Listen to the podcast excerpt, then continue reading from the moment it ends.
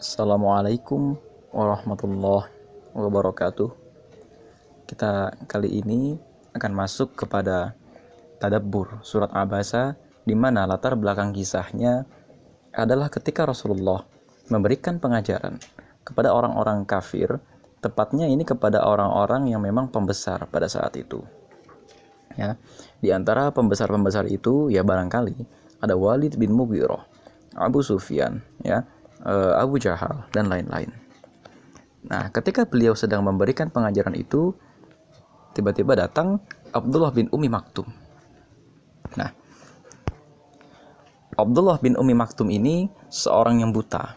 Artinya dia ini uh, punya kelainan ya, punya cacat gitu ya. Tapi dia ini sesungguhnya orang terhormat. Hanya saja dia tidak hanya saja dia tidak sekuat orang lain gitu loh. Dia dia tidak sekuat orang yang memang e, pada saat itu punya kekuasaan menjadi pemimpin Mekah gitu ya dan lain-lain. Abdullah bin Umi Maktum itu buta. Hanya saja ketika Abdullah bin Umi Maktum datang dan Rasulullah itu lagi asik-asiknya memberikan pengajaran maka Rasulullah bermuka masam maka oleh Allah kena di situ teguran langsung abasa wa tawalla an ja'ahul a'ma wa ma yudrika la'allahu yazakka. Dia bermuka masam dan berpaling karena telah datang seorang buta kepadanya. Tahukah kamu, barangkali dia ingin membersihkan dirinya dari dosa. Artinya, barangkali orang yang datang ini itu lebih tulus niatnya. Kau nggak usah capek-capek berdakwah, tapi dia sendiri akan datang kepadamu. Gitu. Maksudnya, telah sampai kepadanya nasihat-nasihat dan peringatan akan berbagai hal yang haram, gitu loh. Tapi kata Allah, gitu kan, amma manistagna fa'angtalahu tasodda. Adapun orang-orang yang merasa dirinya serba cukup, maka engkau malah melayaninya. Maksudnya di sini kepada orang-orang kaya, orang-orang hebat gitu ya, kepada orang-orang yang memang dia itu pemilik modal. Nabi Muhammad itu malah melayani orang-orang semacam itu. Yang pertanyaan-pertanyaannya itu nggak mutu. Pertanyaan-pertanyaannya itu memang desainnya itu dia ingin merintangi dan mengingkari dakwahnya Nabi Muhammad bukan pertanyaan tulus tapi berbeda dengan Abdullah bin Umi Maktum yang memang pertanyaannya itu pertanyaan jujur dia ingin memeluk agama Allah. Nah dan adapun orang yang datang kepadamu dengan bersegera itu kata kata Allah gitu ya wa amma man ja'aka yas'a wa huwa sedang dia takut kepada Allah, ya kan? Fa'angta anhu talaha, maka kamu mengabaikannya. Nah, ini kisah yang sudah sangat terkenal sekali gitu ya. Ini uh, apa namanya kisah yang sudah sangat terkenal yang sebetulnya gitu ya. Makna aslinya itu begini. Nanti dijelaskan lagi dalam surat Abasa ini juga. Kalla inna kalla inna tadhkirah. Sekali-kali jangan demikian. Kalla Inna tazkirah. Sesungguhnya ajaran Rob itu adalah suatu peringatan. Ya, ini berlaku kepada seluruh umat Islam, baik yang mulia maupun yang hina itu loh. Karena persoalannya di sini, ya siapa yang menghendaki tentu dia memperhatikan. Siapa yang mau itu yang memperhatikan, tapi yang tidak mau, nah ya udah tinggal aja gitu loh. Tapi begini, ini dari sini sebetulnya ada beberapa ibroh. Ibroh yang pertama, kita itu nggak boleh membeda-bedakan orang. Ini ibarat kata sekarang begini. Ketika kita sedang mengkader, ini kan kejadiannya Rasulullah itu sedang mengkader. Jangan kita itu membedakan orang. Oh, yang ini anak ustadz. Oh, yang ini anak pondok. Oh, yang ini orang kaya, tajir. Oh, yang ini kayaknya orang hebat. Oh, yang ini kayaknya ganteng, tinggi, putih. Sementara ternyata yang berhasil kita kader itu sekian, sekian, sekian, sekian. Abasa, otawalla, dia bermuka masam Artinya janganlah kita itu bermuka masam siapa pun kader yang datang kepada kita. Mau ini orang kader yang datang kepada kita itu nggak bisa baca Al-Quran. Ya, kader yang datang kepada kita itu eh, bahkan bukan cuma nggak bisa baca Al-Quran tapi masih pacaran gitu ya. Mungkin rezeki yang dia dapatkan tidak didapatkan dari jalan yang halal dan lain-lain. Jangan bermuka masam. Kadang ketika kita mengelola satu gerakan dakwah, kita itu maunya gitu ya, dapat yang bagus. Sekali daurah 40 orang atau sekali mengadakan acara ramai. Tapi ternyata Allah hanya mengirimkan e, orang yang mungkin jumlahnya itu 5, 6 atau satu orang. apa sih yang yang sebetulnya jadi ibroh di sini kita kadang-kadang kurang kurang bersyukur barangkali peringatan kita itu nggak berguna sebenarnya buat orang-orang yang sudah cerdas barangkali peringatan kita itu nggak berguna sebenarnya buat orang-orang kaya yang ibaratnya dia sudah ngaji di luar sama orang hebat sehingga di dalam gerakan kita entah LDK kami atau gerakan dakwah apa pun dia ini nanti malah akan misalnya ujub atau yang kedua dia tidak akan menjadi poros tapi dia justru menjadi orang yang kecewa lantaran tidak sesuai dengan ekspektasinya. Itu loh. Justru Allah mengirimkan orang-orang lemah Allah mengirimkan orang-orang hina yang dengan dengan dakwah dari kita harkat dan derajat martabat mereka bisa naik Nah ini kan kadang-kadang kita kurang bersyukur itu loh yang jadi masalah. Ya, jadi Allah tuh meminta kita, udah jangan jangan membeda-bedakan orang. Nah berkaitan dengan ini gitu ya, mari kita introspeksi. Kadang-kadang satu gerakan dakwah itu ya kita itu maunya nawarin kepada orang-orang yang memang sama dengan kita dalam arti ya mungkin kaya atau mungkin dalam arti dia sudah mengerti dakwah dan lain-lain tapi ternyata ketika Allah mengirimkan yang belum ngerti ini teguran dari Allah. Barangkali pada saat itu kalau yang datang ini orang yang sudah mengerti, malah orang itu akan lari dari dakwah atau orang itu akan terkotori dengan perantaraan kita. Atau orang itu malah tidak akan mengingat Allah lantaran kita di bawah dia levelnya justru. Atau yang selanjutnya, mungkin barangkali dia malah ketika kita datang dakwah ke dia, dia sombong. Sama seperti kita menawarkan pamflet daurah atau ketika kita menawarkan satu tawaran dakwah kepada seseorang, dia ini anak pondok atau dia ini orang yang sudah ngaji lah di luar, merobinya sudah sangat tinggi levelnya, ya. Atau mungkin dia ini sudah berpengalaman di medan dakwah. Ketika kita tawarkan, dia bermuka masam, dia nggak mau. Tapi ada satu orang, gitu ya, satu orang yang mungkin ngikutin kita, kak atau mbak atau teh, saya mau ikut kami atau saya mau ikut LDK atau saya mau ikut apa pun. Ternyata kita bermuka masam, abasa Nah ini yang sama Allah ditegur Nabi Muhammad, ditegur jangan kayak begitu. Jangan begitu karena sesungguhnya barangkali dia itu ingin membersihkan dirinya. Nah ini ini juga ada uh, tazakka ya. Tazakka itu karakter orang yang ingin membersihkan dirinya. Jadi karakter orang yang ikut gerakan dakwah itu. Coba nanti kalau misalnya kita introspeksi, ketika kita mengadakan DM1 atau ketika kita mengadakan dakwah apa pun, ketika ada lembar ekspektasi atau ketika di awal diajak bicara oleh pembawa acara, kenapa Anda ingin ikut daurah ini? Kenapa Anda ingin uh, uh, mengikuti acara ini? Apa jawaban mereka? Rata-rata mereka ingin tazakka. Mereka ingin belajar ilmu agama, mereka ingin membersihkan dirinya, ingin bertaubat. Tazakka ini maknanya memang ingin membersihkan dirinya dari segala kekotoran jahiliyah. Artinya barangkali memang mereka itu punya niatan yang tulus untuk membersihkan dirinya dari dosa, untuk mencapai kesucian tertentu yang mereka percaya hanya dari gerakan kita inilah kesucian itu bisa dicapai. Ini yang kadang-kadang tidak kita sadari. Beda dengan orang-orang yang memang di luar sudah kaya, sudah sukses, sudah punya ilmu agama dan lain-lain. Ketika datang kepada kita, niat mereka itu bukan menyucikan dirinya, tapi ingin berbuat sesuatu. Bisa baik, bisa buruk. Tapi orang-orang semacam ini, yang kata Allah, mereka itu ingin tazakka.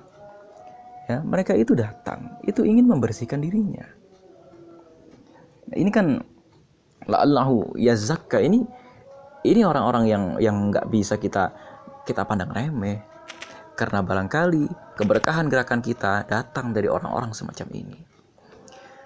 Kembali kepada kisah Abdullah bin Umi Maktum. Ya. Jadi apa dia setelah itu? Nanti ketika setelah hijrah dari Madinah, Abdullah bin Umi Maktum ini akan menjadi seorang muazzin Rasulullah. Artinya dia dia cukup dapat tempat gitu loh. Dan ini juga artinya kalau kita bicara kecenderungan pendidikan modern, Rasulullah itu ketika berdakwah itu sangat inklusif orang buta seperti Abdullah bin Umi Maktum itu mendapatkan giliran dakwahnya sendiri.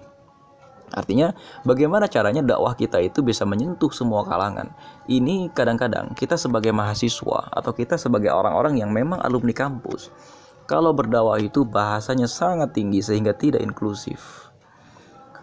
Biasa ya kalau kita sudah nongkrong sama orang kaya, kita sudah nongkrong sama pejabat, kita sudah nongkrong sama orang-orang yang tinggi, bahasa kita nggak bisa dicerna kita kebanyakan baca buku gitu ya atau kita itu kebanyakan diskusi sama orang-orang yang memang ilmunya sudah ya oke okay, ilmunya ketinggian apa yang terjadi Ketika kita bicara sama kader yang di bawah, ketika kita bicara sama kader yang baru masuk DM1 dan lain-lain, bahasa kita ketinggian. Ketinggian dalam arti nanti apa yang kita sampaikan malah tidak menyampaikan kemurnian dakwah, tapi malah membelokkan pengertian mereka mengenai dakwah. Dari tangan kita lah orang yang cerdas ini. Dari tangan kita orang-orang yang kata orang itu intelek. Malah dakwah itu bergeser dari urgensi aslinya. Jadi dari surat Abasa ini saja Allah itu sudah banyak memberikan pesan. Ya, tadi bahwa ini yang datang itu orang yang ingin membersihkan dirinya, bukan orang yang ingin adu ilmu. Kalau kita ingin mencari orang adu ilmu, ya oke okay, gitu. Datanglah kepada Walid bin Mughirah, datanglah kepada Abu Jahal, datanglah kepada Abu Sufyan dan lain-lain. Yang mana mereka itu karena sudah merasa cukup, itu mereka mengabaikan dakwah kita. Di mana ketika mereka itu sudah merasa kaya, sudah merasa punya jabatan, punya pangkat, ngapain lagi ikut satu gerakan dakwah?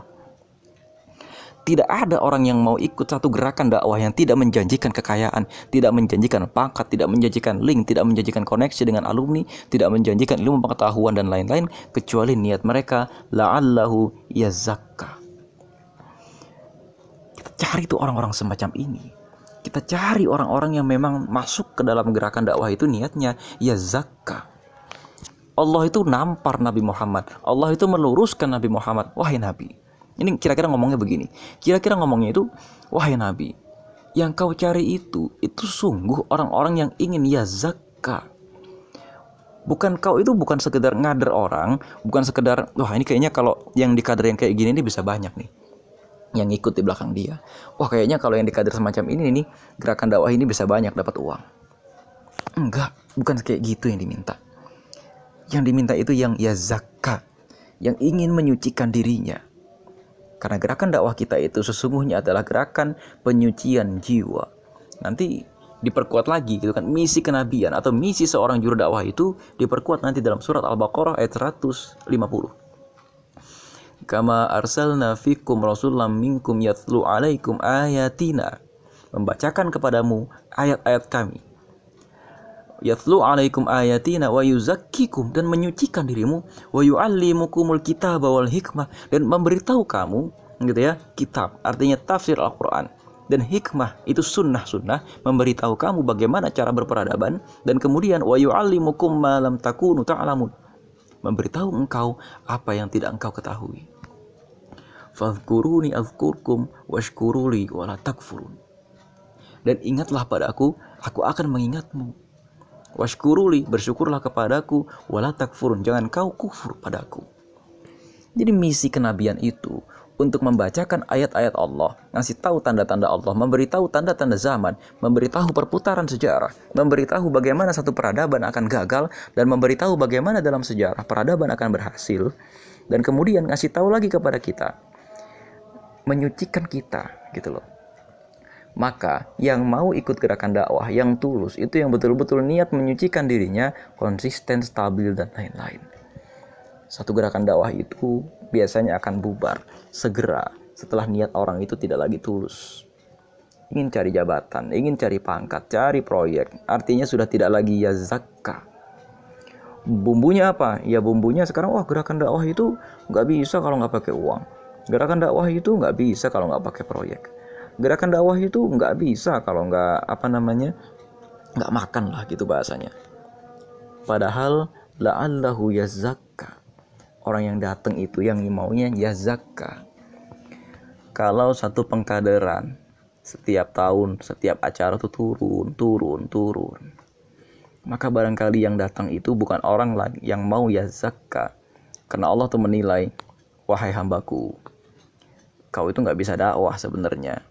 Karena orang-orang yang datang kepadamu yang ingin ya zakka, yang mereka itu ingin menyucikan dirinya, kalau datang kepadamu malah jadi nggak suci. Mending mereka aku kirim ke tempat yang lain kan itu kata Allah. Iya kan? Dan panggilan dakwah itu, itu sesungguhnya hidayah itu wewenang Allah. Ya, hidayah itu di tangan Allah. Ini seperti surat uh, surat Al-Hajj gitu ya. Ketika Nabi Ibrahim itu membangun Ka'bah.